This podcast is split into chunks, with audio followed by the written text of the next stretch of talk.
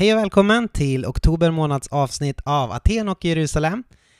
En teologisk podcast i alternativ frikyrklig tappning. Hej och välkommen till min fru Sofia Jonsson. Hej, tack att jag får vara med idag. Du vikarierar för eh, alla andra. Exakt.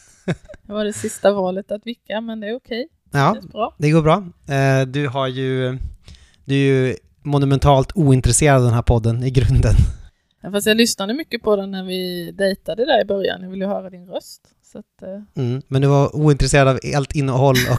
ja, men lite så. Nej, men vissa avsnitt har jag lyssnat på. Det är ju faktiskt så att jag är ju ändå teologiskt utbildad. Har läst på pastors, pastorsutbildningen och jobbar ju som ungdomspastor här i Linköping. Ja. Men, Men, eh, kanske mer fokuserat på frågor som har med ledarskap och ungdomar och så att göra. Precis. Och alla som har läst till exempel ingenjörskap lyssnar ju inte på ingenjörspoddar hela dagarna eller något sånt där. Nej. Så kan man tänka. Det är bra att du försvarar mig lite. Nej, jag vet inte jag försvarar det, bara säger saker. Ha, det här är ju kul att vi träffas så här. Den här månaden var det tänkt att vi skulle ha en intervju med en eh, person från Amerikat. Eh, men det blev massor med teknikstrul. Min bebis, som jag är föräldraledig för, Esra, började skrika. Det blev, det blev strul, hon var inte helt high på all teknik så, här, så att vi bestämde oss för att ta om det. Även om vi fullföljde intervjun så tyckte hon att det blev, tog bort eh, lite fokus, eh, allt det här. Så att vi bestämde oss för att vi kommer göra om det, men jag kommer kanske släppa lite grann extra material, lite grann från den här intervjun i, för er som är Patreons, alltså ni som eh, betalar en liten slant för att eh, stötta den här podden. Så ni kommer kanske få en litet, litet utsnitt bara i eran privata feed. Men eh, för andra kan ni hålla, ni kan hålla till godo. Det kommer en amerikan som heter Nancy Murphy någon gång i, innan årsskiftet. Och eh, ja, det är en sak. Det blir intressant att se när hon kommer. Det blir intressant att se när hon kommer, ja, precis. Eh, och ehm, annars så kommer vi i november också lansera en liten läsgrupp, hade jag tänkt. Ja, det har inte jag hört om. Nej, men jag har glömt att säga det till dig. Men eh, det är ju inte en så stor grej, jag läser ju böcker ändå. Eh, Så att man kommer kunna gå in på evangelie.se eh, Evangelie förlags hemsida som heter evangelie.se tror jag. Och så kommer man kunna köpa hem en bok som heter där eh, Det upp och nervända riket och man skriver in koden Aten, ett sånt här litet och-tecken, Jerusalem i rabattkodsfältet, då kommer man kunna få typ 25% rabatt på den boken och sen kan vi läsa den tillsammans eh, via Zoom någon gång när det passar. Skicka in ditt namn till eh, atenajerusalem.gmail.com om du har beställt den och sådär och vill vara med så ordnar vi ihop det där på något sätt eh, någon gång lite nu och då. Så, det är lite upplysningar, saker som händer. Ja, men det är väl bra att vara med i en eh, online-bokcirkel nu i covid-tider, tänker jag. Det är väl ett perfekt tillfälle. Perfekt tillfälle. Om man inte har haft anledning förut så har man det nu. Särskilt om man bor i Östergötland som nu är under lite lockdown kan man säga, där det är eh, allt. Man får inte träffas, man får inte göra någonting. Nej, precis. Vi får se här hur vi gör med all verksamhet framöver. Men just nu ser det ut som det mesta är nedstängt. Ja. Eller allt egentligen. Ja, Sorgligt. så är det. Ehm, ja. Ja, men det känns ju kul det här. Och eh, istället för att vi intervjuar den här amerikanskan så kommer vi ha tre stycken vänner med oss eh, som är minst lika roliga och bra att lyssna på. Och det är ju då, vilka, kommer ni ihåg vilka namn då? Ja? Eh, Elisabeth Sandlund, bland annat. Från Dagen Mm. och eh, Maria Augustin. Nej, Maria Gustin. Gustin Bergström. Ja, hon är ju, ehm, ja, hon går på ALT läser till pastor och eh, ingenjör och hon jobbat i, hon på mycket musik och sånt. Ja, hon berättar själv. Och Torbjörn Frey. Nej, Jo, Torben Frey. precis. Farbror Frey. Namnen kanske inte min starkaste sida, men de är med och de presenterar ju sig så att Ja. ni får höra mer. Och det här är egentligen liksom från en eh, sommarkurs som jag var med och administrerade i sommar, som hette Tro i en apokalyptisk tid, TL 110. Och eh, det här är liksom en av föreläsningarna, eh, som är det här samtalet egentligen, eh, som vi hade på den kursen. Så jag tyckte det var ett bra, kul samtal med mycket spännande perspektiv, så jag tänkte att det här tar vi den här månaden. Det här oktober månad, eh, och ni som lyssnar på Aten och Jerusalem vet att vi liksom fyller ett år varje oktober. Så att jag tror att vi nu är sex år gamla. Woo! Börjat i förskoleklass. Nästan. Eh, En tuta också. Pip, pip, pip, pip. eh, och eh, så att vi fyller sex år. Det känns kul. Roligt att ni har varit med oss så här länge, stått ut och eh, så. Ja, vi hoppas på sex år till kanske. Om ni, ja, om ni vill, om ni som lyssnar. Det vill ni väl eller? Klart de vill. För min skull. Eh, och eh, ja, det är väl det som eh, behöver sägas just nu tror jag. Då kör vi tycker Då jag. kör vi. Hej och hå in i det här eh, samtalet.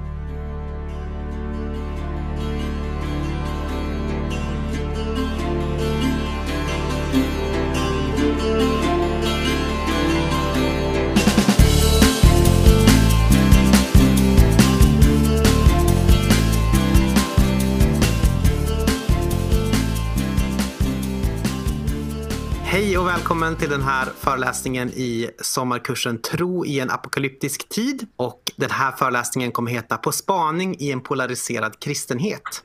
Om nationalism, populism och fundamentalism. Och det är jag, Anton Jonsson, som kommer vara med här och jag kommer samtala med Elisabeth Sandlund. Eh, du kan säga hej. Hej! och eh, Maria Gustin Bergström. Hej hej! Och Torbjörn Frey. Hej! Och jag tänkte vi kanske ska presentera er lite grann. Om vi börjar med Maria till exempel. Vem är du? Hur skulle du presentera dig själv för de som lyssnar på den här föreläsningen? Ja, men jag heter Maria Augustin Bergström. Jag bor i Linköping. Jag eh, jobbar extra kan man säga som adjunkt på Linköpings universitet. Jag har en master i, ja, jag är ingenjör helt enkelt eh, och undervisar studenter där. Sen läser jag på ALT och ska börja mitt sista år i höst på pastor och ledarskapsprogrammet. Och sen håller jag på ganska mycket med musik. Men jag har också hållit på väldigt mycket med flyktingar och skrev bland annat konvertitutredningen, eller drev den, arbetet med den framåt. När vi höll på med den för ett drygt år sedan. Just det. Och eh, Elisabeth, vem är du då? Ja, Elisabeth, Elisabeth Sandlund heter jag. Har arbetat som journalist hela mitt vuxna liv. Först i många, många år på Svenska Dagbladet och sen i några år på Kyrkans Tidning och nu sen 2006 arbetar jag på tidningen Dagen. Skriver ledare huvudsakligen nu för tiden. Har haft lite andra uppdrag, var chefredaktör under några år till exempel. Engagerad i Sankta Clara kyrka som lekman, frivillig. Eh, möter många människor därifrån med väldigt olika bakgrund och eh, olika ja, er, ryggsäckar i livet. Bra. Och så har vi då Torbjörn också. Har du, vill, hur vill du presentera dig? Ja, Jag är nog lite kluven om jag är pastor eller om jag är journalist för att jag har fungerat som båda i växelbruk hela mitt liv. Jag skrev min första bok som 25-åring om Jesus i politiken, om andutgjutelse och samhällsförändring. Så jag brottades då med, med spänningarna mellan den vänstervåg som gick fram då under mina studentår och Jesusrörelsen. För jag hade en fot i båda de här strömningarna. Uppväxt i ett hem med föräldrar som upplevde nazismen i Norge och Sverige. Eh, och därför alltid sett väckelse, kristendom och eh, socialt engagemang som en självklarhet. Finns idag i Vinjard.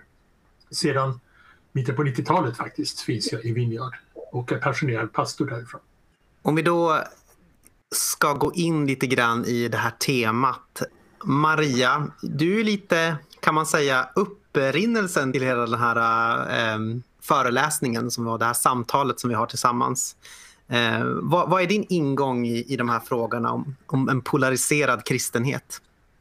På fem år så har Sverige gått ifrån att vara jättegeneröst till att bli en av Europas strängaste när det gäller flyktingpolitiken. De stora flyktingströmmarna berörde oss på djupet 2015. Sveriges folk öppnade sina hjärtan och plånböcker för att hjälpa till. Och plötsligt så var det välfärden som var i fara. Politiska retoriken, besluten satte stopp för all barmhärtighet. Och det illustreras ganska tydligt av en partiledare som poserade jaktkläder under texten “Stärk gränsen” och en annan som delade ut flygblad i flyktingläger med budskapet “Sverige är fullt”. Sen skedde det ett namnbyte under den här tiden som är väldigt intressant. Först kallades det flyktingkris och då var det i flyktingens perspektiv.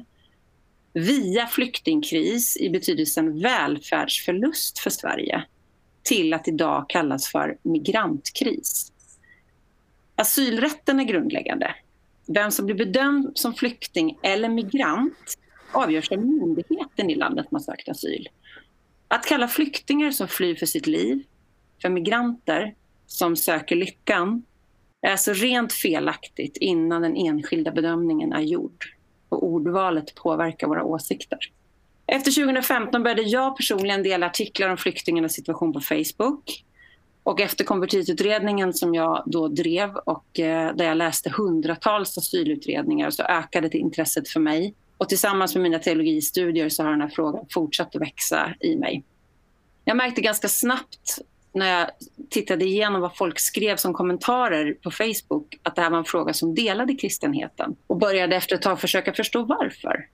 Vad karaktäriserade de här grupperna? Vad var det för grupper jag såg? Jag gick helt enkelt in på Facebook-profilerna för de som skrev kommentarer. Dels de som starkt avvek från den åsikt jag själv har och också hos de som hade samma åsikt tydligt som jag själv. Alla som jag undersökt kallar sig alltså kristna i Sverige. Och jag gick in och såg på vad de hade för åsikter. Vad publicerade de på Facebook? Vad kommenterade de och så vidare. Två tydliga bilder framträdde och jag ska försöka generaliserat beskriva dem här nu. Jag börjar med min egen grupps särdrag och jag är fullt medveten om att min grundinställning kommer färga min analys. Och det är liksom oundvikligt. Jag skulle vilja beskriva denna grupp som barmhärtig. Den andra gruppen kallar den här gruppen för naiva godhetsapostlar för att välja de mildaste benämningarna. De har ett relationellt tankesätt där nåd kan kombineras med lag och ordning. Man ser flyktingen som en gåva där varje människa är en unik individ. Välfärden är inte det viktigaste. Det är viktigare att söka kreativa sätt att hjälpa människor i nöd. Vi blir ett nytt vi tillsammans. Man ser vanlig media som relevant men ofta för hård i sin framtoning i flyktingfrågan. Man har en tilltro till stat och myndighet men förtroendet för Migrationsverket är svagt efter att konvertiternas situation blivit känd. Man vill hjälpa den som blivit ens nästa i den här globala världen och muslimer är lika välkomna som andra till vårt land. En viss reglerad invandring men med relativt öppna gränser ses som en väg för framtiden. Man försöker hålla ett civiliserat språk i kommentarsfält eller tystnar för att retoriken går åt ett håll man inte kan följa. Mötet med människor på flykt har satt djupa spår och trots att det okända kan skrämma så styr det inte handlingen. Bibelstödet för barmhärtigheten i frågan är mycket stark. Bibeln talar tydligt om Guds särskilda kärlek till den här gruppen. Och det finns hundratals med bibelord som stöder det. Och nu till den andra gruppen som jag vill beskriva som rädd. Själva kallar de sig ansvarstagande sanningssägare. De har ett funktionellt tankesätt där lag och ordning inte går att kombinera med nåd. Man ser flyktingar som grupp och siffror, aldrig individer. Flyktingar ska hindras att nå Europa och särskilt Sverige till varje pris. Man vill bevara välfärden och beskydda nationen vilket gör att högervindar blir viktiga. Världen är indelad i vi och dem. Grupp ställs mot grupp. Flyktingar mot våldtagna kvinnor, äldre och hemlösa svenskar. Ett eskalerande gängvåld lyfts fram om framtiden är mörk om vi inte med krafttag tar tag i problemen. Gammelmedia och akademiska experter ifrågasätts och avfärdas och man söker hellre information från alternativa källor. Islam är ett stort hot mot det mesta och flyktingar likställs med terrorister. Man har ett oresonligt hat mot afghaner som ibland bland annat kallas unga män utan skyddsskäl och mycket annat otrevligt. Man skämtar om de som vill hjälpa afghaner och andra flyktingar och kallar särskilt kvinnorna väldigt fula saker. Något som jag själv varit med om och med ord som jag inte kan ta i min mun. Starka ledare som pekar med hela handen, oavsett privata tillkortakommanden, är viktigt. Trump är bra och Sverige missförstår honom avsiktligt. Det personliga mötet med flyktingar saknas ofta, men man har vänner som mött dem och som bekräftar åsikterna. Man använder ett eskalerande otrevligt språkbruk som närmar sig kränkning i sina kommentarer. Detta har exploderat den senaste tiden. Du är inte bättre själv-principen används ofta i debatter. Man vänder alltid spegeln tillbaka när man får kritik. Man eldar upp kommentarsfält men lämnar sedan och raderar sina kommentarer så enbart om en annan åsikt finns kvar. Profilbilder är ofta otydliga, ofta ett djur eller natur. Man vill inte visa sitt ansikte. Man är emot nuvarande regering, tror inte på klimatförändringarna och är galen på Greta Thunberg. Man är rädd för påven och ekumeniken och värnar för Israel på ett speciellt sätt. Och nu är man också emot Sveriges coronastrategi som verkar vara ett hett ämne att debattera. Och bibelstödet för den här åsikten är baserat på två bibelställen. Första Timoteus 5.8 och Apostlagärningarna 17 och 26. Det handlar alltså om två världsbilder. Det är inte enskilda åsikter. Det blir lättare att förstå de här enskilda kommentarerna när man förstår att de kommer ur en full världsbild och det gäller båda grupperna. Och det verkar som att de som går till rädslans grupp har kommit dit via rädslan för islam. Man börjar läsa om det och får sedan hela den här världsbilden på köpet. Elisabeth, du har ju också stött på den här uh, internetpatrullen på lite olika sätt. Och du har också lite, uh, en liten analys om var, var den här uppkommer ifrån. Vad som är, an, vad som är skälen bakom den. Uh, skulle du kunna presentera det lite? Ja, jag tänker att det är, ju, det är ett faktum att, att vi har en situation där samhällsdebatten har blivit väldigt polariserad och att det har spritt sig även till kristna sammanhang. För jag tänker att det är så det hänger ihop.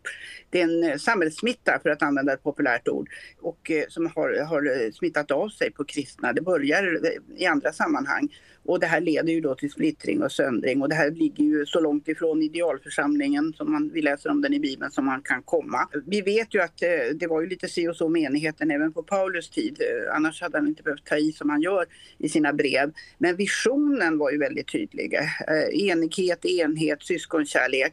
Eh, och det måste ju vara även vår vision. Så tänker jag att vi behöver kunna förena det med att man också har högt i tak, att man får ha olika uppfattningar och att man ibland inte kommer längre än till att vi är överens om att vi inte är ense. Men att vi ändå är på något vis syskon som älskar varandra. Eh, och ibland, ganska ofta skulle jag säga att det känns som att vi är ganska långt ifrån en sån situation just nu. Det, det, och då måste man ändå fundera över vad, vad kommer den här polariseringen sig av? Och framförallt i, när den då också hamnar, blir aktuell i kristna sammanhang. Eh, Maria har ju talat om rädsla. Och det är ett nyckelord, eh, tänker jag. Och inte minst, precis som Maria tog upp i flyktingpolitiken. Eh, det går igen på andra områden, men det blir väldigt tydligt hos de som ser människor från andra ställen i världen som ett hot mot ett Sverige som man ibland inte riktigt kan definiera men som man är övertygad om att man vill värna. Man är rädd för det främmande, man är rädd för den andre och man är rädd för en islamisering av vårt land. Det tror jag, precis som Maria sa, är en väldigt viktig faktor. Då tänker jag att rädda människor måste man ta på allvar. Argumentet att det finns inget att vara rädd för, det har ingen bärkraft. Man måste vara mycket mer specifik och vända och vrida på fakta, till exempel statistik som eh, då ibland sägs visa vilka enorma problem som, som eh, invandringen har medfört för Sverige. Samtidigt så är det ju inte något som minskar polariseringen direkt när siffrorna haglar i luften. Sen tänker jag att rädsla är ju inte enbart någonting, någonting dåligt. Rädsla kan ju faktiskt också vara en drivkraft om den kanaliseras på ett riktigt sätt. Är man rädd för rätt saker så är det inget fel. Och vi som befinner oss på den andra planhalvan, eh, vi är ju också rädda. För vi fruktar ju den här åtstramningen av asylpolitiken som möjligen är på gång just nu då. Eller sannolikt är på gång skulle jag säga. Jag är rädd, och många med mig, för att medmänskligheten ska gå förlorad och att vi får ett ännu hårdare och kallare samhälle. Och att den här kärlekslösa, obarmhärtiga behandlingen av, mina, av flyktingar, dessa mina minsta som råkar vara flyktingar, att det kommer att sprida sig till andra grupper som inte passar in. Vi vet inte vad som blir nästa angrepp. Och den här rädslan för en sån utveckling, den är ju faktiskt konstruktiv. Och då tänker jag att vi behöver fundera över hur får vi en konstruktiv rädsla, en konstruktiv oro och mer av det och mindre av en destruktiv. Eh, sen är det ett annat eh, nyckelord, det är detta med bubblor för snart fyra år sedan under valkampanjen i USA så var det en journalist, det här har jag har berättats i många sammanhang men jag tycker det är så relevant, eh, som skapade två profiler. En Trumpvänlig och en Clintonvänlig profil på alla sina sociala medier och det uppstod då två flöden och de hade i princip ingen överlappning alls. Den Trumpvänliga profilen fick bara läsa goda nyheter om Trump och och negativa om Clinton och vice versa. Och det här är ju verkligen sinnebilden av mediebubblor, filterbubblor. Vi får del av information som stöder det vi redan tror oss veta, våra uppfattningar styrks och vi utsätts inte för sånt som stör och utmanar och som får oss att tänka annorlunda. Jag har absolut ingenting emot nätet, det är fantastiskt. Det är informationsflödet, det är, alltså när jag började som journalist för väldigt, väldigt många år sedan, tänk om man hade vetat att man skulle ha tillgång till alla dessa, allt detta med bara några knapptryckningar. Men det finns också något negativt. Det är osorterat, det är selektivt och man har möjligheter att välja och välja bort på ett helt annat sätt. Och jag vill gärna slå ett slag för papperstidningen. Jag är så gammal så jag får göra det. För fördelen med att läsa en papperstidning är att du aldrig vet vad du kommer att bli utsatt för när du vänder blad. Du får aha-upplevelser, överraskningar i informationsflödet och det är faktiskt viktigt för den demokratiska debatten. Sen är det ju också så att det är lätt att säga, peka finger och säga att du befinner dig i en filterbubbla. Men vi befinner oss alla i filterbubblor. Vi befinner oss alla i informationsbubblor. Vi, vi, vi sitter fast i systemet och vi måste vara medvetna om det och ta oss ur detta klister. Hur spränger vi bubblorna? Hur får vi människor att våga ifrågasätta ståndpunkter? Eh, och då tänker jag att där har vi kanske ett försprång, vi kristna. För i ett sekulariserat samhälle, när vi vill nå ut med evangeliet, då är vi tvungna att helt enkelt nå, nå igenom de bubblor som många människor befinner sig i. Som inte har någon kunskap alls om kristen tro eller som har glömt eh, vad de en gång lärde sig. Eh, och om vi lyckas berätta för dem att det finns en annan, ett annat, ett bättre paradigm för världen med en Gud som vill oss väl. Då har vi faktiskt sprängt bubblor. Tänk om vi kan använda det också i, i samhällsdebatten. Det tredje nyckelordet är två. Eh, det är avstånd och det är hastighet. Det inte visst ringer folk som är arga på saker jag skriver, men de börjar ofta med att säga att ja, jag tycker egentligen väldigt mycket om tidningen Dagen och jag tycker väldigt mycket om att läsa dig, men den här artikeln. Och så kommer det kritik. Men, eh, men ofta på ett ganska trevligt sätt ändå. De som är riktigt arga, de som ger den här högljudda rösten åt missnöjet, de som använder de fula orden och de som, som eh, ibland hittar bibelställen som de tycker dömer mig till evig förtappelse, det händer då och då. De använder ju, de sitter på avstånd. De finns inte i örat. De sitter vid sin dator eller vid sin smartphone på avstånd. Och inte sällan ser man ju att det har gått väldigt fort när de skriver. Det här är ingenting som är mer utbrett i kristna sammanhang än andra. Men det är ju naturligtvis väldigt sorgligt, tänker jag, att människor som delar min tro, som är mina syskon, ändå rycks med i ett näthat som sårar, men som också bidrar till polariseringen. För det är ju också väldigt lätt att ge igen med samma mynt. Kanske inte med samma fula ord, men genom att använda förminskande ironisk spydighet eller kontra med andra bibelställen, eh, försöka slå motståndaren i huvudet med bibeln. Det är väldigt lätt att man rycks med och då ökar polariseringen den här regeln att inte skriva sånt som man inte skulle kunna säga personen när man såg honom eller henne i ögonen. Att inte skriva något annat än det som man då skulle ge ord för. Det är en väldigt bra regel men den är svår att leva efter för oss alla. Ja, det är, det är som en sorts internet, eh, internetetikettbok också som du gav oss. Plus en analys. Torbjörn, du har du varit med länge. Eh, du har varit med liksom i, i sammanhang kanske där det här synsättet på världen har eh, vuxit fram på olika sätt. Och så jag tänker att du kan få ge oss en liten, en liten historisk bakgrund om hur den här tendensen har uppkommit. Jag, jag är ju nätt och jämnt 40-talist då, sista halvåret på 40-talet. Utav föräldrar där mamma kom från Rjukan, eh, den lilla ort i Telemark i Norge som eh, Tyskland var ute efter hela ockupationen handlade egentligen om att få tag på tunga vattnet till atombomben, till vätebomben. Så mammas klasskamrater var motståndsmän och sprängde fabriken i luften. Pappa var riksevangelist i Baptistsamfundet, eh, traditionell väckelsepredikant med tre punkter och en inbjudan till avgörelse i slutet. Och för honom var det då en självklarhet att man var antirasist, att man var internationalist även om man älskar Sverige. Han sjöng Land du välsignade så att man fick ståpäls på 6 juni. För han var också en briljant tenor. Men, men det var också självklart att vi var internationalister och man fick sitta som redan som två treåring i knät på eh, missionsledare med annan hudfärg, vilket var helt sensationellt för den generationen. Det var också en självklarhet då att man var eh, politiskt, eh, socialt orienterad. Man kunde ju vara, de flesta var folkpartister på 50-talet. Eh, en och annan var broderskapare, gammaldagsa fromma socialdemokrater.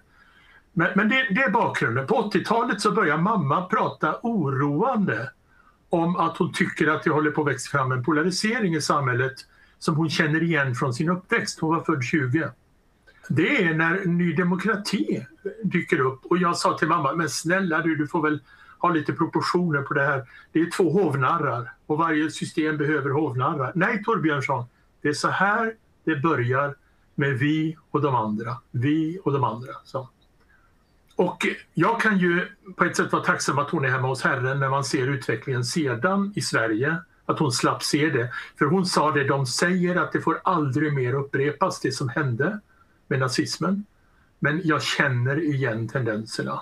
Det är så här det börjar. Jag har också i mitt arv då från baptismen då den här självklarheten då med den fria församlingen och att en stat aldrig kan bli kristen och att kristna stater ibland till och med kan vara de som förföljer väckelsen. Mina andliga förfäder skickades utav präster, militärer och kungamakten på landsförvisning för att de hade möten i hemmen utan präst närvarande. Det var den tidiga baptismen.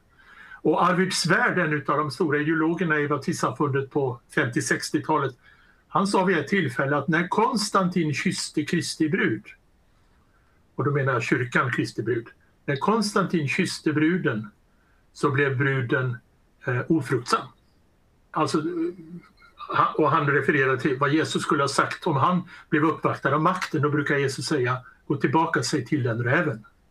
Alltså man var inte imponerad av makten. Idag ser vi människor med rötter i den gamla frikyrkan som drömmer om att komma tillbaka till en kristet Sverige. Jag vet inte när Sverige var kristet. Och framförallt staten det, det kristna stat som vi såg, det tror inte jag de egentligen skulle vilja vara tillbaka i. När den karismatiska väckelsen sen kom, eh, den präglade ju 70-talet, hippies. De hippies togs hit från USA utav kristna affärsmän som knappast var några vänsterfrykar.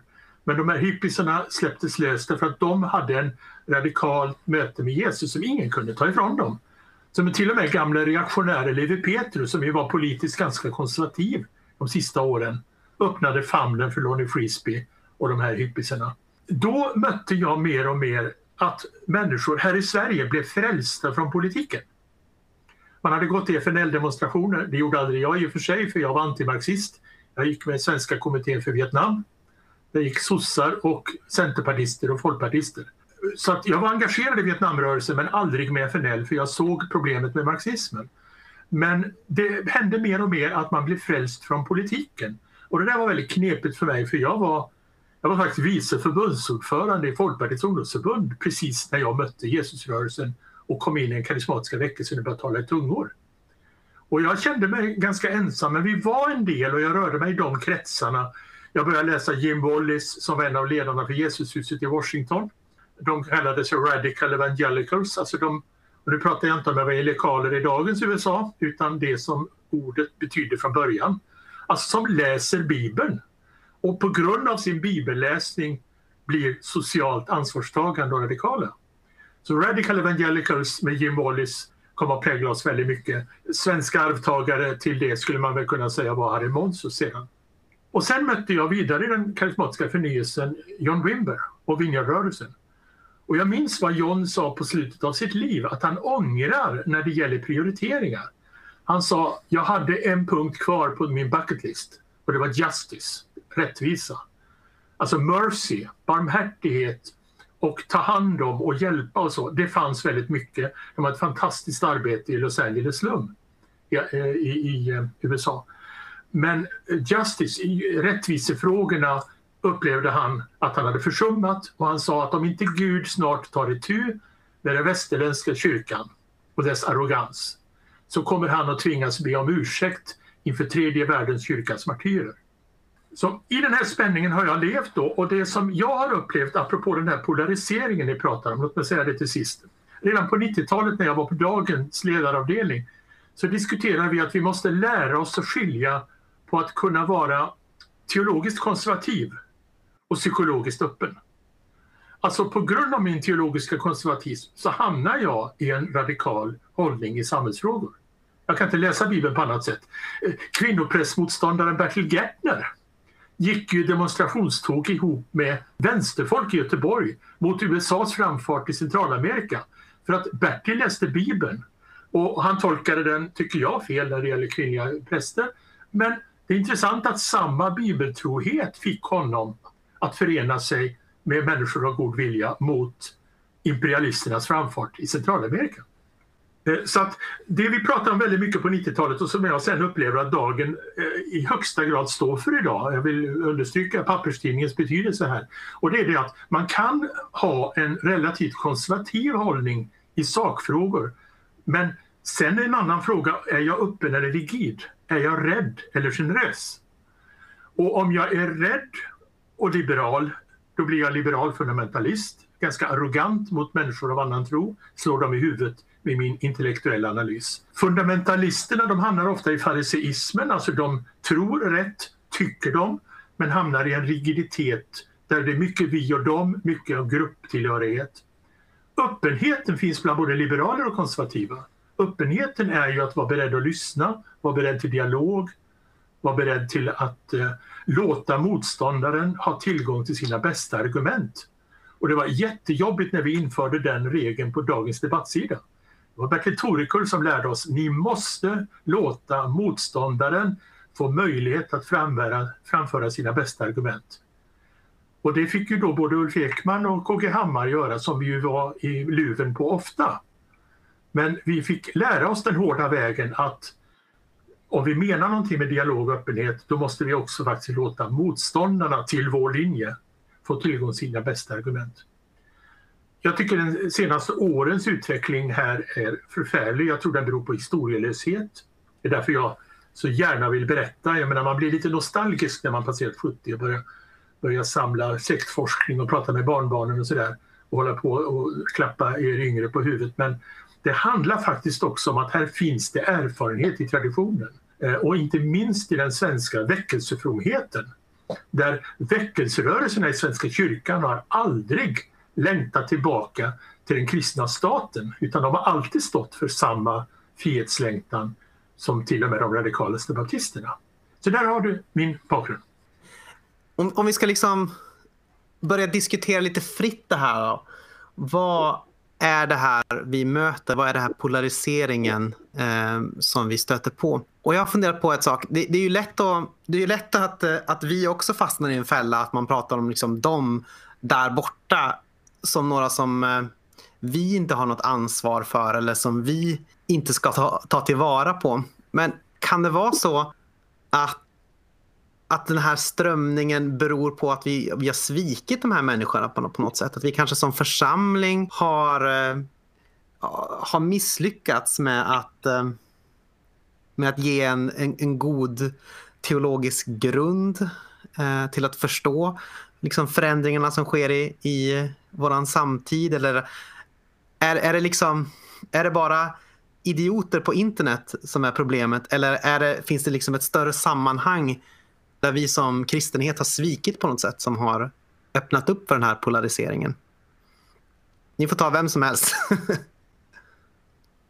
Här får jag bara påminna om det sista jag sa då. Ja. Vi ska se om det här fungerar. Det gör det nästan. Alltså man ja, tänker, sig ett, tänker sig ett kryssdiagram där eh, liberaler och konservativa är på den ena linjen. Och så har vi den, eh, den eh, lodräta öppenhet och rigiditet.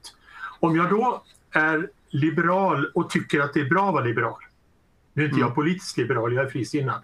Men om jag skulle vara liberal, teologiskt eller politiskt och tycka att det är bra. Om jag då är rigid mot de konservativa, då är jag inte bättre än dem.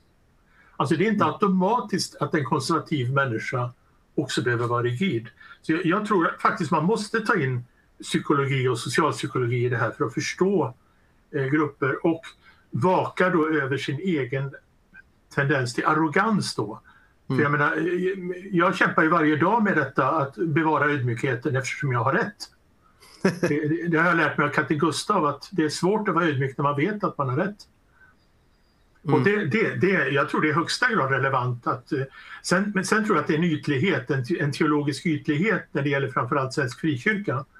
Eh, så tror jag att den har varit väldigt marknadsorienterad och kommunicerar budskapet och vi och dem och nå ut och hur så hemskt med sekulariseringen. Alltså en, det finns ett förstadium till det här som har varit en, en användbar grogrund för de här krafterna som inte jag tror är några personer som sitter och kommer på det här utan jag tror det här är, det här är strömningar i tiden, det här är idéströmningar, det här är trender. Mm. Eh, det här är andliga skeenden också tror jag. Precis. Ja, jag undrar om det kan vara någon, ligga någonting i också att, att förr, jag tänker att när, liksom, förr så läste församlingsmedlemmar Bibeln väldigt mycket. Så man läste Bibeln, vi hade inte heller allt det här runt omkring oss. Och så finns det ju det här att vi ska pröva budskap till exempel. Om, om en församling och en hel generation slutar läsa Bibeln så kan man inte längre pröva saker som man hör på, mot Bibeln. Eh, utan då är man liksom tvungen att förlita sig på andras liksom, tolkningar för jag kan själv inte riktigt pröva så som egentligen Bibeln uppmanar oss att göra. Och då blir det ju också på något sätt som du säger, det här tomrummet som har lämnats då. Då kan saker gro där därför att man är inte van vid kanske att, att pröva det som sker mot Bibeln. Jag funderar på om det kan finnas någonting där som är lite viktigt faktiskt. Om jag får fylla i där också tänker jag att det kan ju finnas det gemensamma läsningen av Bibeln. Jag funderar på om det är också någonting som särskilt har gått förlorat. Alltså att vi läser och prövar, vi läser liksom Bibeln och, och, prövar den mot våran samtid på något sätt gemensamt. Alltså läsningen av Bibeln är ingenting som man sitter och gör på sin egen kammare bara, utan det är, det är tänkt på något sätt att vara ett ord för ett folk. Och där kanske vi har, det kanske vi har tappat lite grann, just den gemensamma bibelläsningen på något sätt. Utan det blir ofta bara en predikant som man ska ta ställning för eller mot. Eller någonting sånt kanske. Mm. Och jag tänker också att, att gör en sån, vare sig det är ens egen läsning eller om man gör läsningen det är viktigt att också koppla hela tiden vad, vad säger det här oss idag? Mm. Eh, ska vi tolka det i vår tid? Så, eh, och att man faktiskt kopplar det till aktuella händelser. Och, och som, som eh, Maria sa, det finns hur många bibelställen som helst som talar om barmhärtighet, om hur vi ska ta hand om invandraren i vårt land som en av oss själva och allt detta. Och så finns det egentligen två ställen där man, som man kan tolka som att vi ska se till vårt eget i första hand. Eh, den balansen behöver ju liksom nötas in. Så det är en aspekt. Sen tänker jag också att i, jag tror att i väldigt många gemenskaper, inklusive min egen, så finns det människor som inte håller med det som på något vis ändå uppfattas som huvudfåran i just den kristna gemenskapen, eh, utan tycker annorlunda. De tycker det är jobbigt med att det är så många människor från olika håll i världen som inte förstår svenska och det blir mm. stökigt och det är konflikter och alltihopa. Eh, och den här gruppen kan ju bli väldigt marginaliserad och känna sig väldigt marginaliserad och kanske inte ens våga tala om att jag håller inte med dig.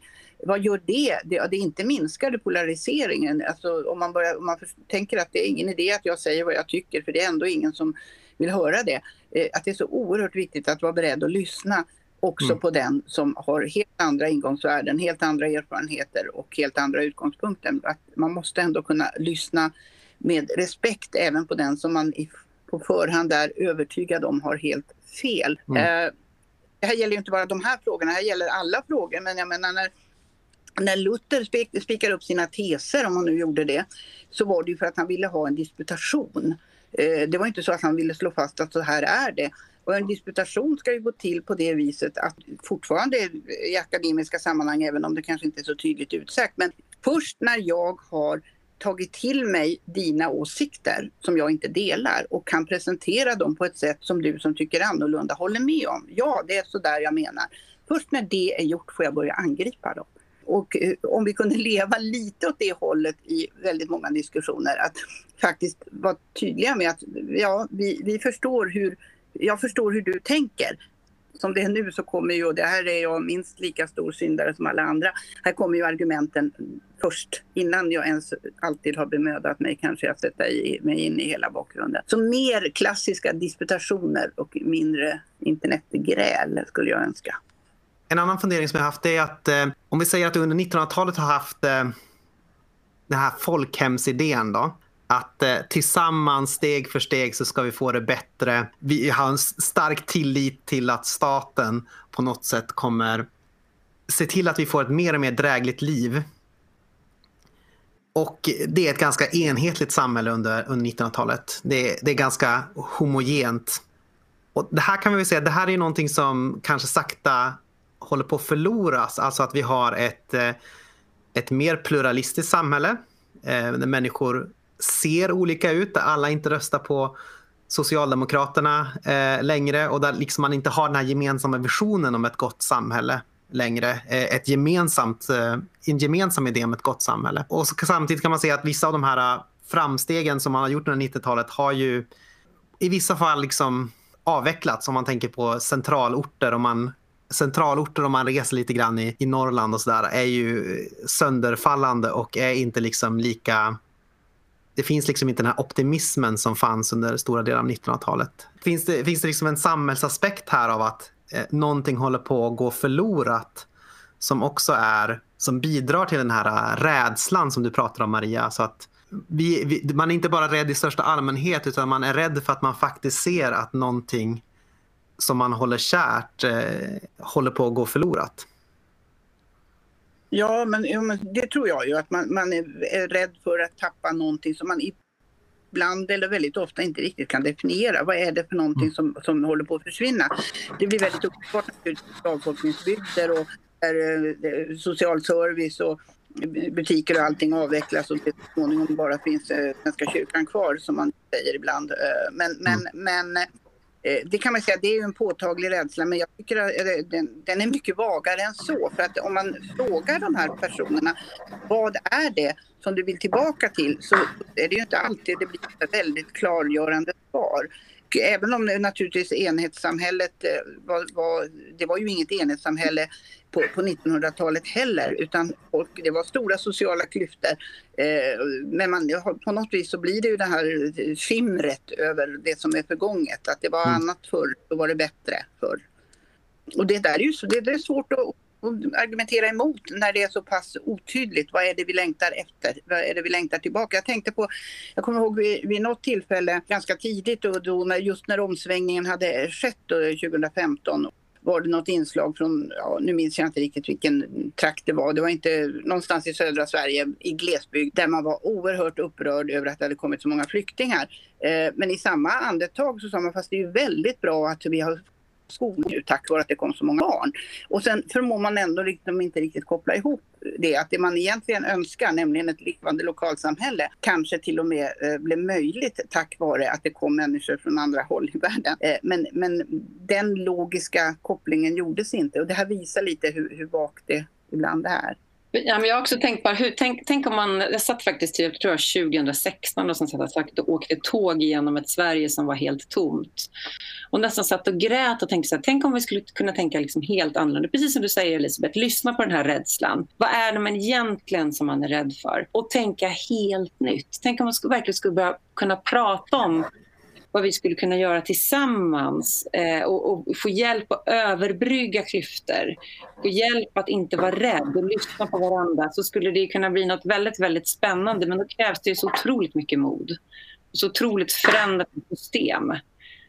Men det, jag tänker att det är viktigt att lyssna på dem som är rädda också, även om man inte alls håller med. Därför att det finns ju någonting där som man behöver möta.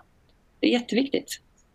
Torbjörn, det ser ut som att du lyfter på fingret. Ja, alltså det finns, eh, om jag representerar historien igen, så finns det faktiskt ett, ett försök till arbete med det här som egentligen aldrig fick den spridning det var värt. I början på 70-talet så gjorde Frikyrkliga studieförbundet och försäkringsbolaget Ansvar och SIFO och flera andra gjorde en del gemensamma ansträngningar. Man gjorde en stor bred omvärldsspaning som går utanpå allt som görs nu för tiden. Jag menar, det görs avancerade framtidsstudier idag från Kairos och andra institut och Dagen gör en hel del bra sånt jobb. Men det här heter Idé på sikt.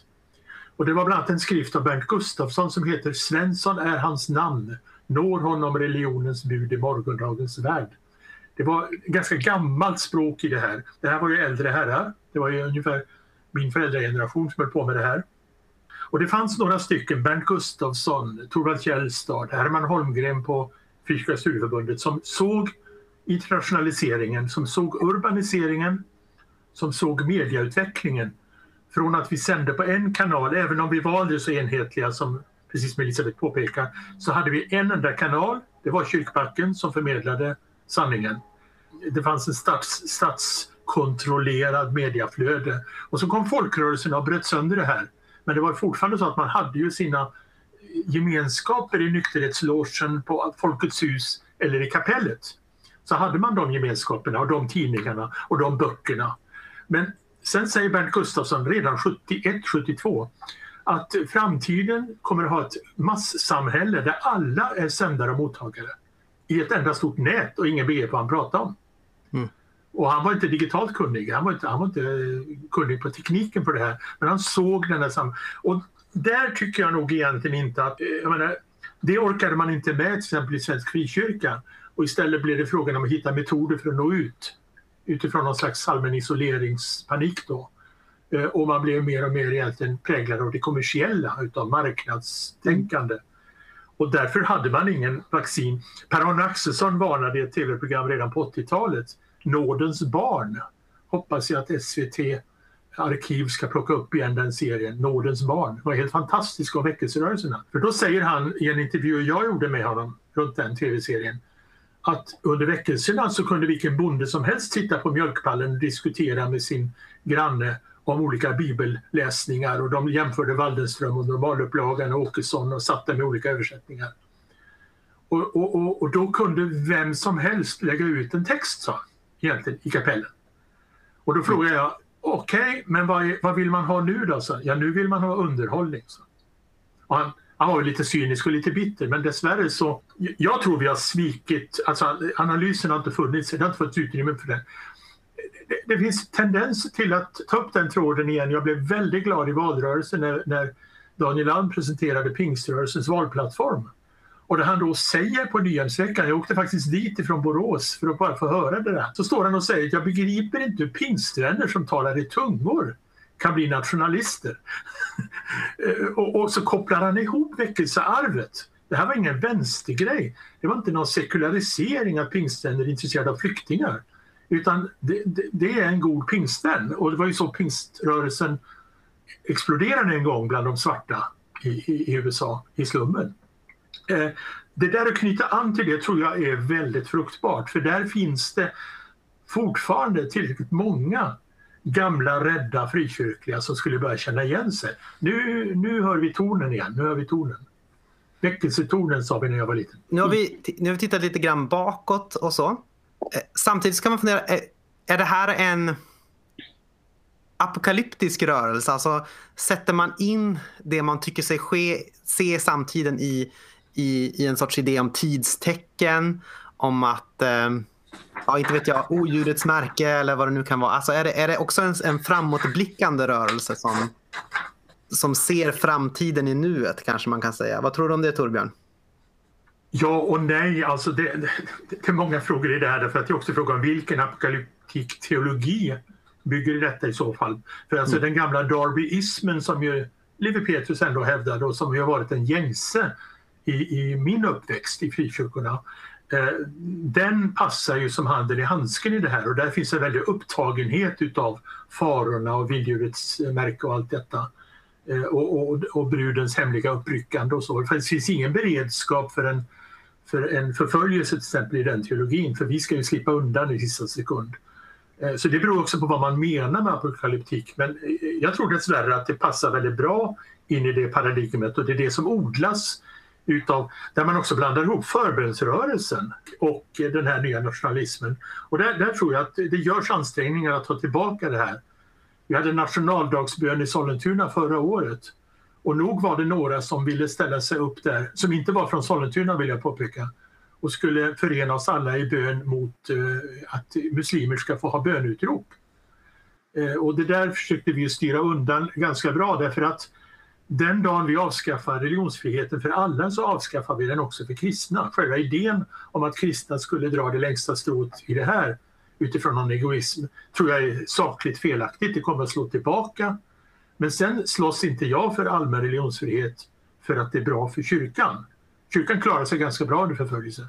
Jag slåss för allmän religionsfrihet därför att det är rätt. Alltså det, är en värdering som hör till Guds rike.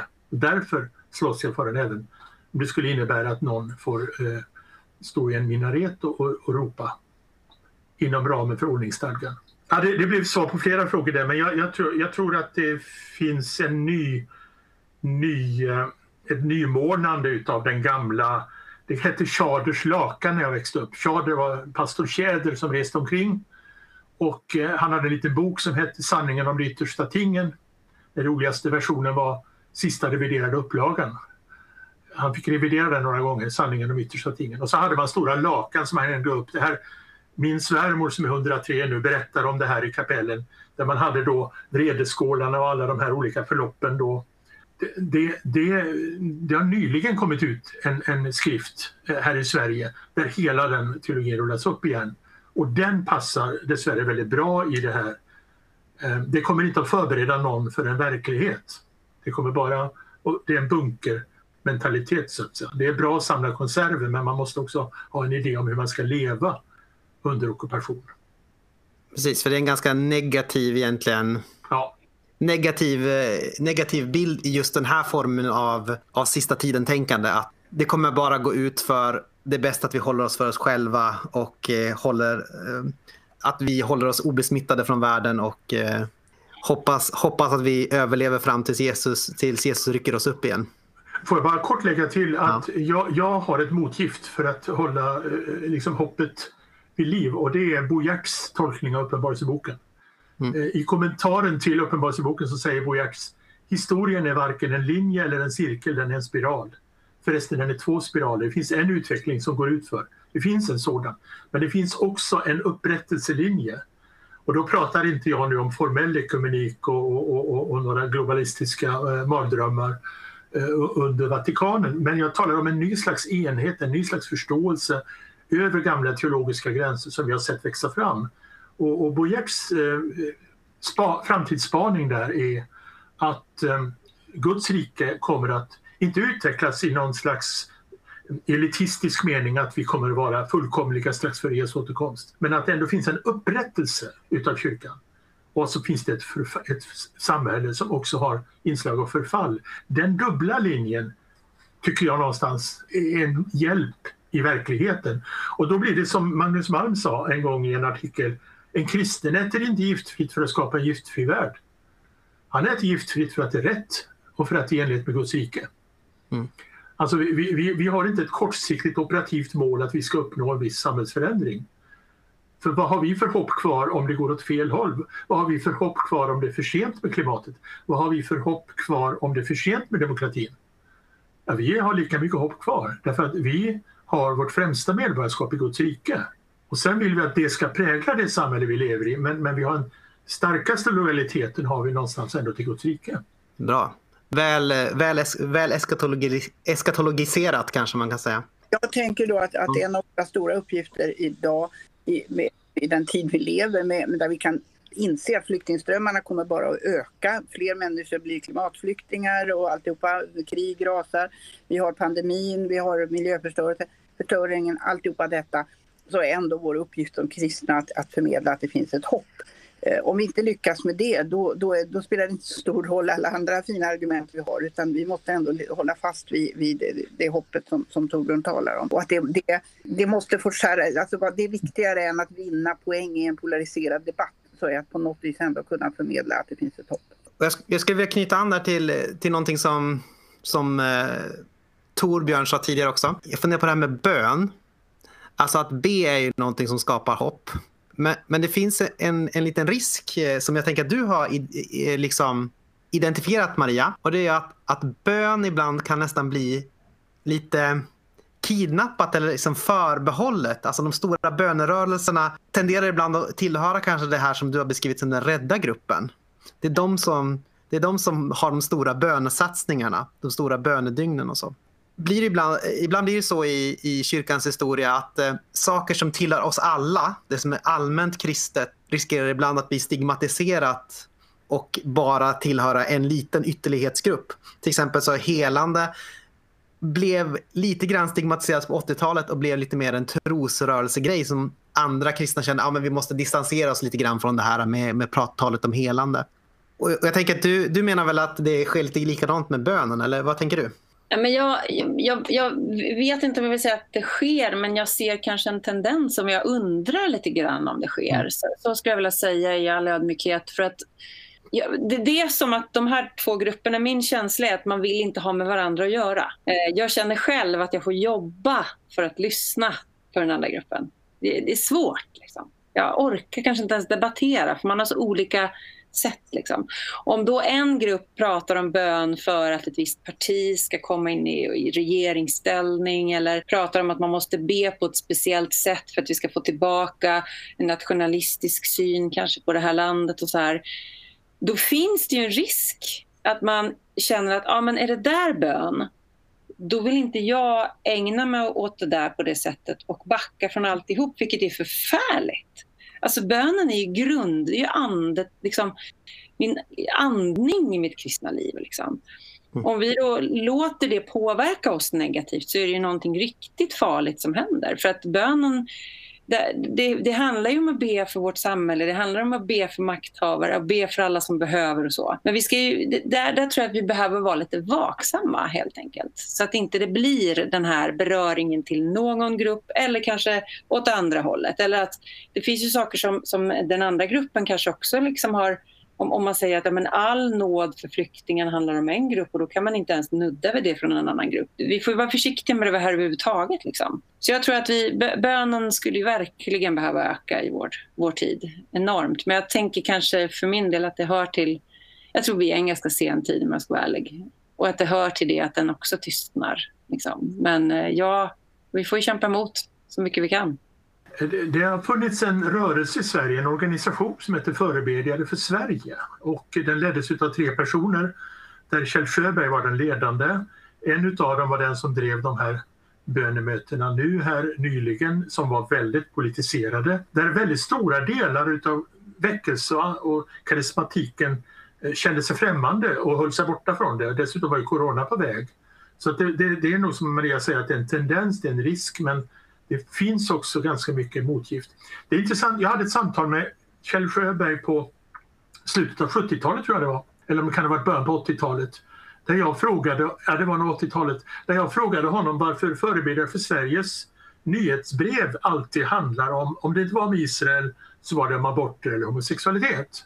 Och, och, man var väldigt intresserad av allt under bältet. Eh, och så, sa, så frågade jag Kjell, när ska Förebilder för Sverige våga sig på de demoniska strukturerna bakom det militärindustriella komplexet. Eh, och JAS-planet, där ska man våga se de, de ganska korrumperade affärsavtal man då håller på med i Sydafrika och liknande. Och jag höll på att ramla av stolen när nästa bönebrev kom från Kjell Sjöberg där han då skriver att det är viktigt att vi förebedjare inte låter oss fångas av tillfälliga trender utan vågar stå upp mot sånt som vi kanske inte varit uppmärksamma på, till exempel det militärindustriella komplexet. Mm. Eh, nu, nu, nu återföll nog Kjell i en, ibland i en ganska så traditionalistisk kristen småborgerlig världsbild skulle jag vilja säga. Men han hade någon profetisk ådra som gjorde att när jag sa det där så var det inte vänstersnubben som kom och sa det. Utan han kände igen någonting som för honom var mer profetiskt. Och det tror jag att det finns förutsättningar för. Jag tycker det här som jag nämnde med, när jag hörde Daniel Alm om det här med med alltså, goda tungomålstalande pingstvänner ska ju knappast bli snäva nationalister när man talar alla språk så att säga, och hör alla språk talas. Eh, det finns någonting i de här arven och i det profetiska där. Eh, dessvärre är det ju så att det som vi har kallat profetrörelserna eh, på 90-talet då, som också kom att prägla Sverige, de reste runt här. De flesta av de amerikanerna har ju fallit långt in i det rent politiska eller orent politiska Eh, eh, världsbilden. Men, men jag lyssnar idag på våra ledare i Vineyard i Sydafrika, till exempel Costa Mitchell. Jag lyssnar på Clive Adams, kommendören i Frälsningsarmén i Sverige, från Sydafrika. Alltså vi har nya Eh, vi har Bob Ekblad, en intressant missionär från Centralamerika, som kommer med alltså en jätteradikal bibeltro och, och karismatik, alltså tron på, de, eh, på kraften. Men samtidigt hamnar då i en eh, väldigt fräsch hållning till samhällsfrågorna. Så jag tror det finns en möjlighet att, att fånga in en bönerörelse på, på rätt sätt. Man ser det i USA idag också, där de svarta evangelikalerna går före. Det är ju de som då inte är republikaner utan de svarta evangelikalerna fyller ju kyrkorna och till och med på minnesgudstjänsten häromveckan i USA så talade en av de svarta ledarna. Så jag kände igen mig från gamla baptistkapell. När man pratar rakt in i dagspolitiska situationer. Det lät som att höra Martin Luther King nästan. Så att det, det, finns hopp och det finns tendenser som jag tror att om vi, om vi fokuserar på dem, om vi samlar till bön till exempel. Jag tror, jag tror inte man kan hålla på och fundera över hur ska vi undvika att de här bönemötena blir politiserade. Och vi ska hålla på och bromsa och vi ska hålla på och nyansera. Utan det är dags att de som har ett radikalt intresse för flyktingar, för internationell solidaritet och så, att de också går långt fram i böneledet. För det har inte varit traditionen, utan de som ber, de är intresserade av att sitta i sin bubbla och de som är i samhället, de är cyniska i förhållande till bönen. Det har vi inte råd med. Nej. Jag tänker att det, för, för, mig så skärptes hela min, hela min tro blev ju liksom så ställd i en helt annan dager när jag mötte de här människorna som jag visste risk, kommer riskera sina liv när de skickas tillbaka. Så, eh, och, och när frågan i mig började växa, hur förbereder jag mina bröder och systrar på att dö för sin tros skull? Hur kan jag förbereda dem och att de kommer kanske behöva ge sina liv. Alltså den frågan ställer liksom allting på sin spets. Jag kände liksom, där, där, där pekas det tillbaka till mig. Där, men vad, vad offrar jag för hans skull? Vad lever vi i för enorm bubbla här? Som väldigt få andra gör i den här världen. Så, att, så på något sätt, här, liksom, hela den här diskussionen kanske egentligen handlar om att vi har det så fruktansvärt bra så vi har aldrig behövt lämna någonting. Säkert, för det blir också bönen hela livlinan. Hela liksom, tillvaron byggs på att det är jag och han. Liksom. Så det, är, ja, det är nyttigt att, att, att, möta det verkligen. Alltså, det har påverkat mig otroligt mycket. Mötet med de människorna. Jag är så otroligt tacksam. Ibland brukar vi ju säga att när man pratar om eh, när man pratar om, eh, om, eh, om apokalyptik och så, sista tiden, så kan det ibland komma den här föreställningen om att det kommer bli mer och mer eh, förföljelse av kristna eller att det kommer bli svårare att vara kristen och så. Och då kan man ju å ena sidan säga, men så är det ju inte i Sverige utan vi förföljs inte.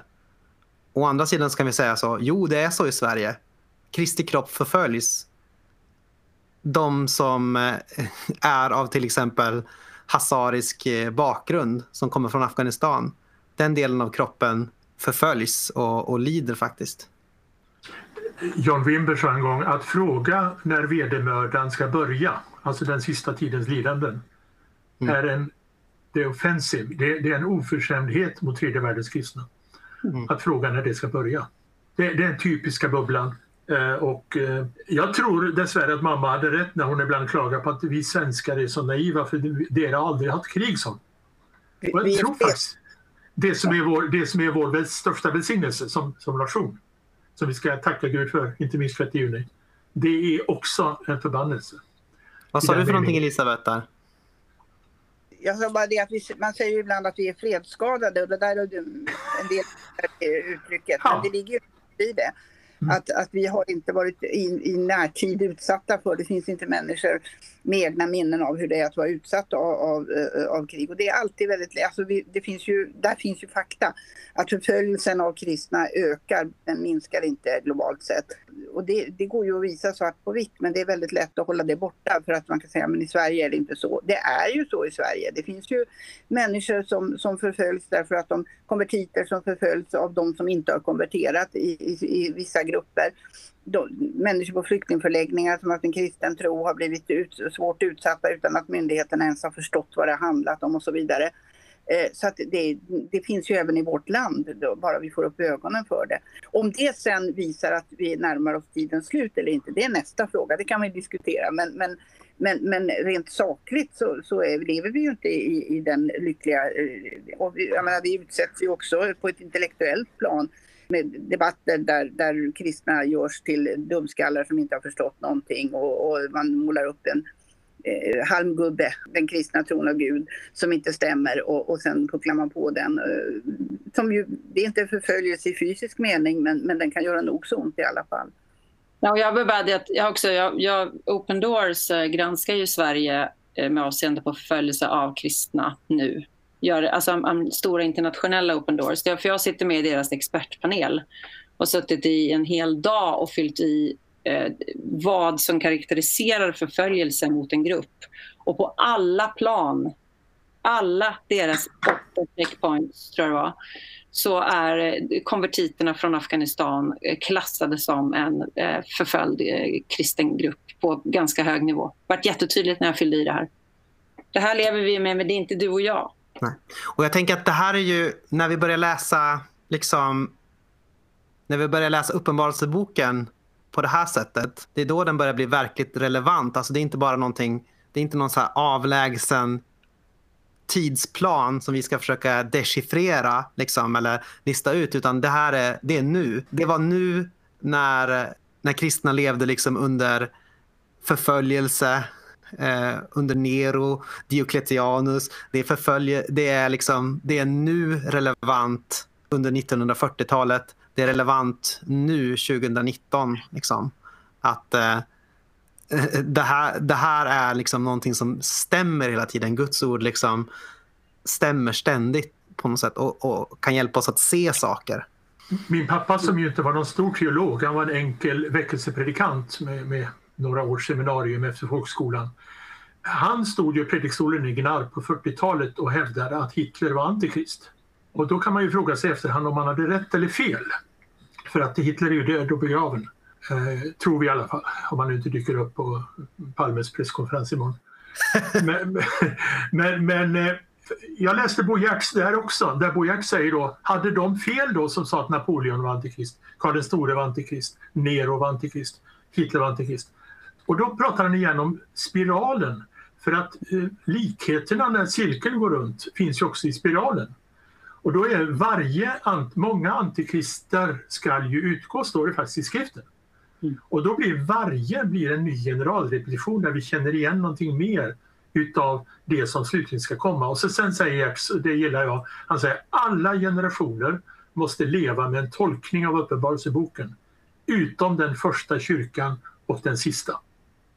Mm. De kommer kunna läsa den innantill som handbok. Men fram till dess får vi leva med ett ödmjukt förhållande att tolka den. Men det här med spiralen där man känner igen, alltså man lär sig någonting om Antikrist genom att studera Hitler. Man lär sig något om Antikrist genom att studera både den liberala globalismen och den konservativa globalismen. Alltså det finns tendenser i utvecklingarna som faktiskt en generalrepetition för någonting som en gång kommer att bli tydligt.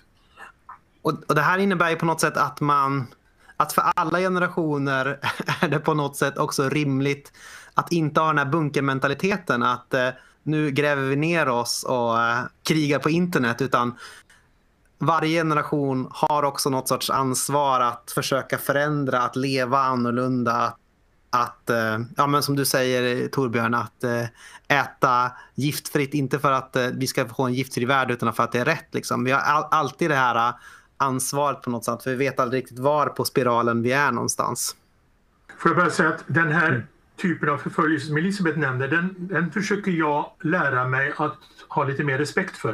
För jag har levt i en föreställning om att den här känslan att vara trängda som kristna i Sverige är ett uttryck för bunkermentalitet och lite patetisk på ett sätt. Därför att kyrkan är inte så framgångsrik någonstans som där den är under förföljelse. Så det här gnället som finns när vi tappar mark i samhället är jag lite trött på. Men sen har jag fått lära mig respekt för när 14-åringarna mobbas på skolgården. Då är det ett problem. Så jag, menar, jag håller med dig Elisabeth, men, men det finns i, hos vuxna kristna som borde vara mognare så finns det en gnällighet. Eh, över till exempel när vi försöker då jobba mot eh, anti, när vi, när vi försöker jobba mot eh, islamofobi till exempel. Om, om vi ska bekämpa islamofobin som är farlig för samhället Jag tror den är lika farlig som islamismen. Då rycker de ut och säger, men vi kristna då? Vi får ju inte ens. Och man känner sig så oerhört... Och det gnället, det, det köper jag inte. Däremot när en 14-åring mobbas på skolgården, då har vi ett problem. Och det har ju till och med, till och med förlåt mig Antje, men till och med ärkebiskopen eh, varit ute och dragit i eh, på ett förtjänstfullt sätt att lyfta fram. Så, så det är en sak. Men vuxna kristna som borde vara mogna och klara lite motstånd gnäller väldigt mycket i Sverige tycker jag. Det finns ju en möjlighet att också se någonting positivt i den, den, när det kommer inte den här enkla typen av angrepp utan mer sofistikerade. Det är ju faktiskt en chans också att presentera den kristna tron. Precis. Eh, att ibland så öppnas ju möjligheterna just därför att det kommer angrepp. Det tycker jag du, du och Joel ja. använder bra de tillfällena. Ja. Och flera av er. Ja. Den diskussionen som, som Joel Halldorf är inne i. Eh, där där jag menar, intresset väcks och då har man också ja. en chans att föra. Och det är ju snarast så vi ska se det. Men att säga att det inte existerar, det är ju ingen sann bild. Och naturligt unga människor, barn och ungdomar blir, blir åt, illa åtgångna därför att de har en kristen tro till och med av, av vuxna, till och med av lärare och blir, mm. blir man kallade för något som man gammeldags, något som man bara höll på med förr. Eh, då, då är det ju ett, en plikt för faktiskt eh, samhället att ingripa. Samtidigt måste jag säga att jag tycker det är spännande för jag själv, jag, när jag var liten så var det ju svårt, att vara, då var man ju den enda som nästan trodde på Gud i alla fall där jag växte upp i Stockholm. Men eh, nu är mina barn som går i grundskolan nu, eh, där är det inte fråga om att tro eller inte. Man frågar vem, vilken gud tror du på? Så det är en helt annan situation för dem. Det är, det är inget problem att säga att man tror på gudar. Därför att det är en mm. helt naturlighet. För att det är så mycket folk från olika religioner. Det är snarare den som inte har en tro som är, varför då? Liksom. Så något har hänt där också när det kommer folk från olika länder som är väldigt positivt, tycker jag. Funderar på om vi ska runda av här.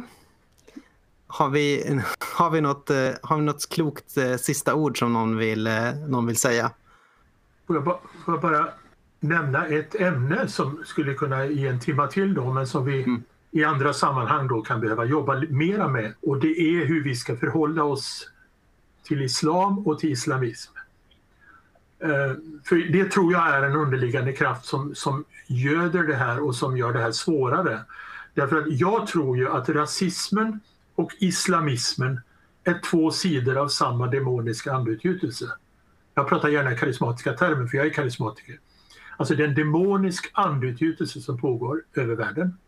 Och den är då nationalistisk, rasistisk, men den är också islamistisk. Sen finns ju kapitalismen och andra krafter och marxism och annat. Men, men det här är de stora som tar ganska mycket energi och där islamismen då eh, göder naturligtvis främlingsrädslan. Det är klart att man är rädd för att bli eh, eh, påkörd av en lastbil på Drottninggatan. Men det är inget konstigt. va. Men, men eh, och, och, och, så finns det en naivitet hos oss också i Sverige då att vi tror att alla muslimer som kommer till Sverige är liberaler.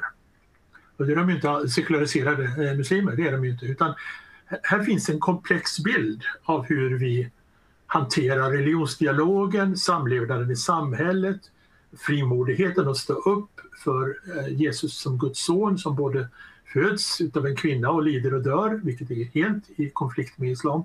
Alltså, hur vi förenar den här övertygelsen. Vi är tillbaka med ett diagram. Va? Jag menar, vi, vi, vi har vår tydliga övertygelse om att Jesus är vägen till Gud och Jesus är inte bara en profet, han är Guds son. Men hur, hur, hur har vi en öppenhet som inte är rigiditet? Där det inte är islamofobi då. Det finns ju kristna som menar att det, det ordet finns inte för det, det är, eh, finns ingen islamofobi utan islam som är farligt. Det, det, här, det här är något som vi inte riktigt hann med idag kanske, mm. men, men, eller som andra kan, kan mer om. Det finns ju Lars Mörling och andra som är duktiga på det här. Hur vi ska hantera eh, samhällsfrågorna när vi har muslimer i samhället. Och där tänker jag... att massa av dem kommer till tro. Massa av dem kommer till tro, det är en lösning. och där tänker jag att, eh, att eh, Elisabeth och Dagen också har eh, mycket att tillföra där man har kanske just haft den här både öppenheten att ja, men det måste få finnas religionsfrihet och man borde få pröva i alla fall om det är liksom okej okay, enligt ordningslagen att ha böneutrop och samtidigt en, en väldigt tydlig fasthållning av att eh, det är Jesus som är vägen till Gud och ja, ingen liksom vackling, vacklande på den punkten. Ja, och det är ju inte alltid så lätt att förena de hållningarna men, men det, det tänker jag är enda vägen framåt. Om jag ska vara personlig så kan jag säga att eh, in, jag, jag var kristen i ganska exakt, blir i sommar i alla fall i 21 år.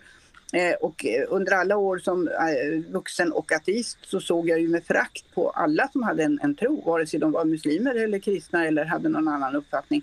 Eh, och min, alltså, när jag blev kristen så fick jag ju personligen mycket enklare att förstå hur kan man vara muslim? Ja, det är klart man kan. Sen har de fel eh, i väldigt, på väldigt grundläggande punkter. Men det är inte fel i sig att ha en, eh, eh inte ens eh, ha en, en, en, muslimsk tro.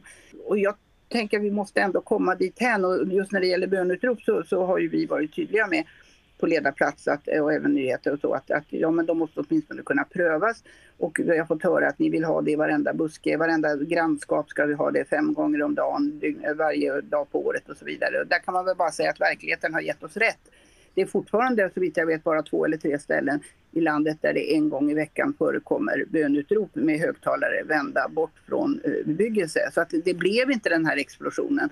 Och det är alltid skönt att kunna konstatera att verkligheten ger en rätt i efterhand. Och jag tänker också några sista ord från mig. Jag, jag tror att, att på något sätt eh, återupptäcka det här enkla barnaskapet i Gud där, där man inte behöver vara rädd för det som händer.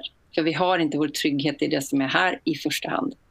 Eh, så på något sätt så blir det i alla fall mitt sätt att möta den här tiden. Att eh, hålla min liksom, mitt böneliv levande och läsa min bibel och låta Gud påverka mig och inte bara det som är runt omkring mig påverka allt som gör att jag blir rädd utan ha min liksom, trygghet och min bas i honom. Det tror jag blir otroligt viktigt i den här tiden som är nu. Det enkla barnaskapet.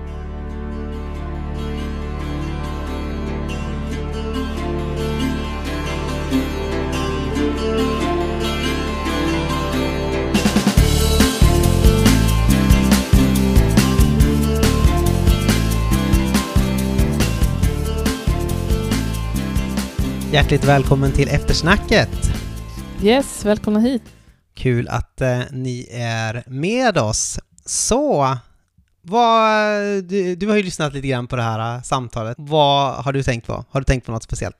Ja, alltså jag tyckte det var intressant. Jag tyckte det var mycket som är bra som man liksom känner igen och kan hålla med om. Framförallt har jag nog tänkt sista året kanske på att ordet vettskrämd tycker jag är ett bra ord att fundera på. Alltså att när man blir rädd så försvinner vettet, vettskrämd. Och det var de ju lite inne på där i, i början av intervjun, att mycket verkar bygga på rädsla. Liksom. Det ja, kan jag hålla med om och klura lite på. Ja, men det kan jag... Eh, det stämmer nog. Ja, precis. Sen är det ju intressant, eh, tänker jag, vi slutar ju lite grann med att prata om det här eh, islamistfrågan och att vara på något sätt ändå generösa mot muslimer, arbetar för allmän religionsfrihet och så. Mm. Ja, och det är väl ändå lite relevant i sådana här dagar när vi har ja, men just haft eh, folk som har fått sina halsar avskurna i Frankrike då, både i det var Nice och eh, så var det ju också den här professorn som fick, eh, fick sin hals avskuren. Och eh, då tänker jag att det är viktigt att komma ihåg att ändå på något sätt inte nödvändigtvis dras med i någon sorts eh, hets mot eh, muslimer i allmänhet. Jag tänker att lite av poängen med att skära halsen av folk i kyrkor är ju att provocera fram eh, våran kristna rättmätiga liksom, ilska och att kanske se till att det blir en mer drakonisk stämning mot muslimer i allmänhet och sådär. Vilket kommer leda till att fler radikaliseras. Så mm. om man skär halsen av folk så kommer vi bli mer aggressiva som kommer leda till att fler blir radikaliserade och eh, kanske fler får sina halsar avskurna. Just det, och är det så att det också finns, jag är inte så bra insatt i islam, men att det också där finns eh, säga, teologi om, om, om sista tiden och hur det slutet ska bli liksom. Och att man vill frammana det kanske, jag vet inte. Jo, men så är det ju. Islamiska staten är ju en, bygger ju på eskatologiska eller apokalyptiska föreställningar liksom om att upprätta ett sorts svarta fanans eh, sista tiden-rike liksom och att Jesus tänker man ju kommer komma och liksom slåss för Islamiska staten när han kommer tillbaka liksom och ut, utrota dess fiender och sådär. Så att det finns ju där liksom en väldigt tydlig eskatologisk föreställning. Så det här är ju väldigt, ja men det är liksom brännande ämnen på något sätt. Eh, hur vi tänker oss eh, tidens slut och sådär. Är det ett sätt att, ett sätt att vet det, frammana sista tiden att den ska komma snabbare så man inte snabbare kommer till den goda tiden? ja, men alltså om man tänker att eh, islamism betyder, är ju tanken på att vi ska ha ett samhälle som är genomsyrat av islamska värderingar, islamsk lag mm. och sådär. Man tänker ju på något sätt som ett upprättande av ett kalifat, alltså en sån islamsk stat i sista tiden då på något sätt. Och det är ju någonting som är ganska handgripligt som man kan göra någonting åt, som man faktiskt kan delta i lite grann. Mm. Så. Jag tänker på något sätt så är det ju jag tycker det är skönt att kristen tro bygger ganska mycket på att ja, men Jerusalem sänks ner från himlen i Uppenbarelseboken. Mm. Alltså det är ingenting som vi eh, strider och tillskanskar oss i tiden, liksom, utan det är någonting som ges av Gud. Eh, en ny himmel och en ny jord, ett nytt Jerusalem och sådär. Och sen så spelar det någon roll hur vi lever här för att allting som är dyrbart och vackert förs in innanför stadens portar. Alltså kungarna kommer med, kommer med det som är värdefullt innanför. Så liksom vad vi gör, vad vår kultur så här spelar roll, men det är inte samma sak som att det är vi ska uppnå det eller så. Men det finns väl ändå olika kristna, säga, inte genrer heter det väl inte, men där man har haft olika sätt att tänka, till exempel att alla måste höra om Jesus innan Jesus kommer tillbaka. Ja, men det eller finns ju. det kommer ju komma vedermödor innan Jesus kommer tillbaka, så därför kanske inte vi gör så jättemycket åt vedermödorna, för det, eller liksom... Det måste ändå komma. det ska ändå ja. komma. Alltså det, vi har ju också sådana där tankar och teorier om hur saker eh, tar eh, slut sista tiden ja. längre fram. Ja, det finns också en, eh, ja, men, en viss sorts Israel-teologi som också bygger väldigt mycket på den här staten måste upprättas enligt ett visst eh, förutbestämda gränser innan tiden tar slut. Och den sortens eskatologi tenderar att bli ganska amoralisk, alltså att vad som Israel än gör för att komma närmare det målet är på något sätt legitimt för att det ingår i sista tidens planer. Just det. Alltså det, det finns ju sådana eh, tendenser också såklart. Mm. Som är lite mera problematic. Nej, men jag tycker det är kul det var det är kul med Torbjörn Frey som lyfter fram de här göttiga, göttiga sakerna från historien och sådär. Tycker jag är lite skojigt. Och lite gammal, god, klassisk baptist politisk teologi som eh, mm, får, får vi hoppas få en liten, eh, liten upp, uppsving nu under mm. åren som kommer. Vi får väl se. se. Men det är väl också ganska intressant, eller det här klassiska att när någon tar över och pratar om något så vågar inte de andra säga något alls om det. Alltså, Just det.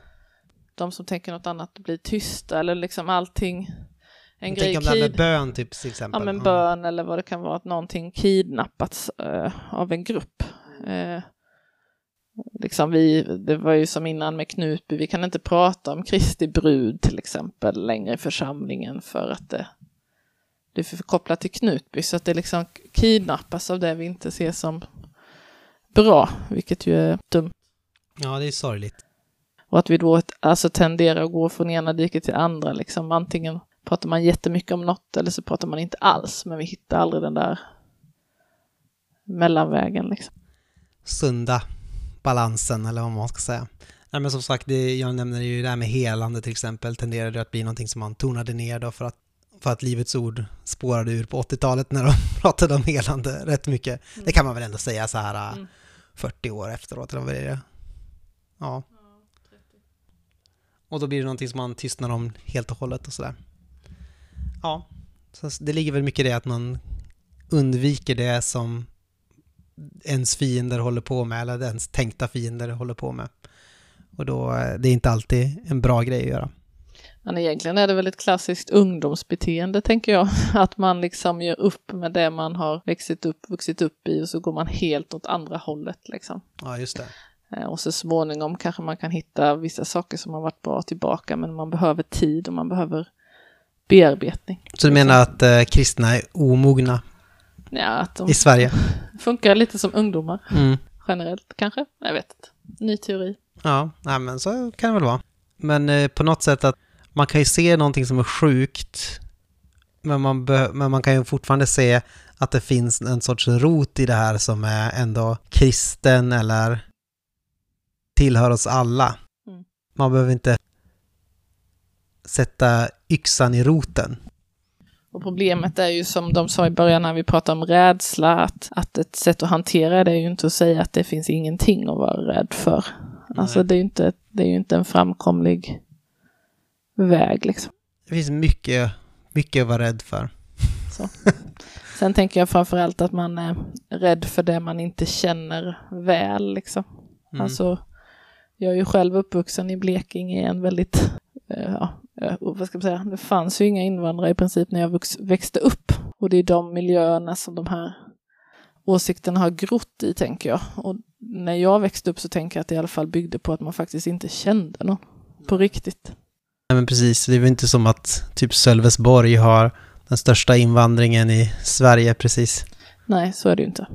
Sen har det nog ändrats sen jag flyttade därifrån, men liksom när jag växte upp så fanns det ju bara en adopterad kille på skolan som man tyckte var invandraren. Liksom. Eh, Så man är verkligen rädd för något man inte känner till, tänker jag. Och en sak som man kan komma in på då, det är ju vikten av närhet. Det är lätt att man tänker så här, efterföljelse, det handlar om att typ vara snäll i största allmänhet. Mm. Eller att eh, på något sätt vara... Men efterföljelse är att jag ger en check till, vet ingen som ger en check, att jag skickar över en summa pengar till typ Erikshjälpen eller till missionen och sådär. Och det är en bra grej att göra.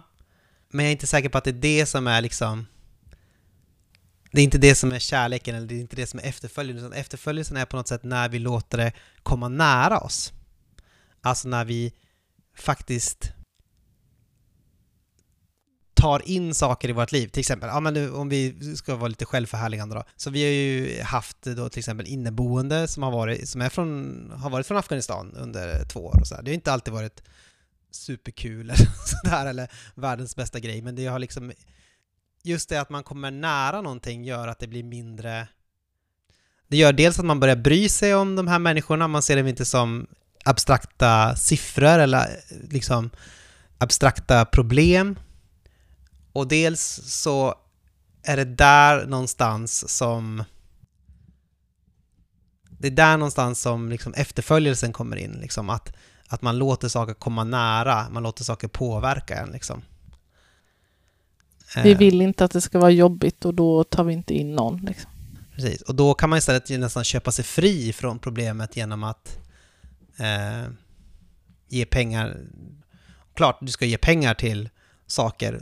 Du behöver inte bara ge till saker till folk, saker som är nära liksom. Men på något sätt så måste vi låta det som vi, de som vi tycker är problem komma nära oss. Precis, det är då man ser, ser, ser det positiva men också baksidorna liksom och kan få mer hjärta för människor. Precis. Mm. Det är bara när man är nära som man kan försöka påverka också kanske. Ja, och vår utmaning tänker jag är att, att vi får in så mycket så här lidande generellt så där, från medier och annat så att vi stänger av allt Mm. eh, och tänker jag vill inte ta in det här för det blir för mycket. Men att vi behöver, för att bli mer Jesuslika, behöver vi ändå ta in en, om inte annat en viss mått av lidande för att liksom Mm. se på människor på det sätt som Jesus såg på dem, tänker jag. Precis. Ta in eh, ja, men åtminstone en person då, eller ja, ett öde. Precis, och att det är okej att det faktiskt gör ont och är obekvämt. Jag tycker det låter som en bra avrundning på det här eftersnacket. Ehm, näm, näm, näm. Kom ihåg att eh, till exempel följa oss på Twitter eller följa oss på Facebook. Ge en liten gilla-tumme. Berätta för en kompis att den här podden är någonting du lyssnar på. Att den kan förändra ditt liv också. Precis. Gå med i bokcirkeln. Och... Eh, ja... Lev väl tills vi möts nästa gång igen. Vi ses i cyberspace.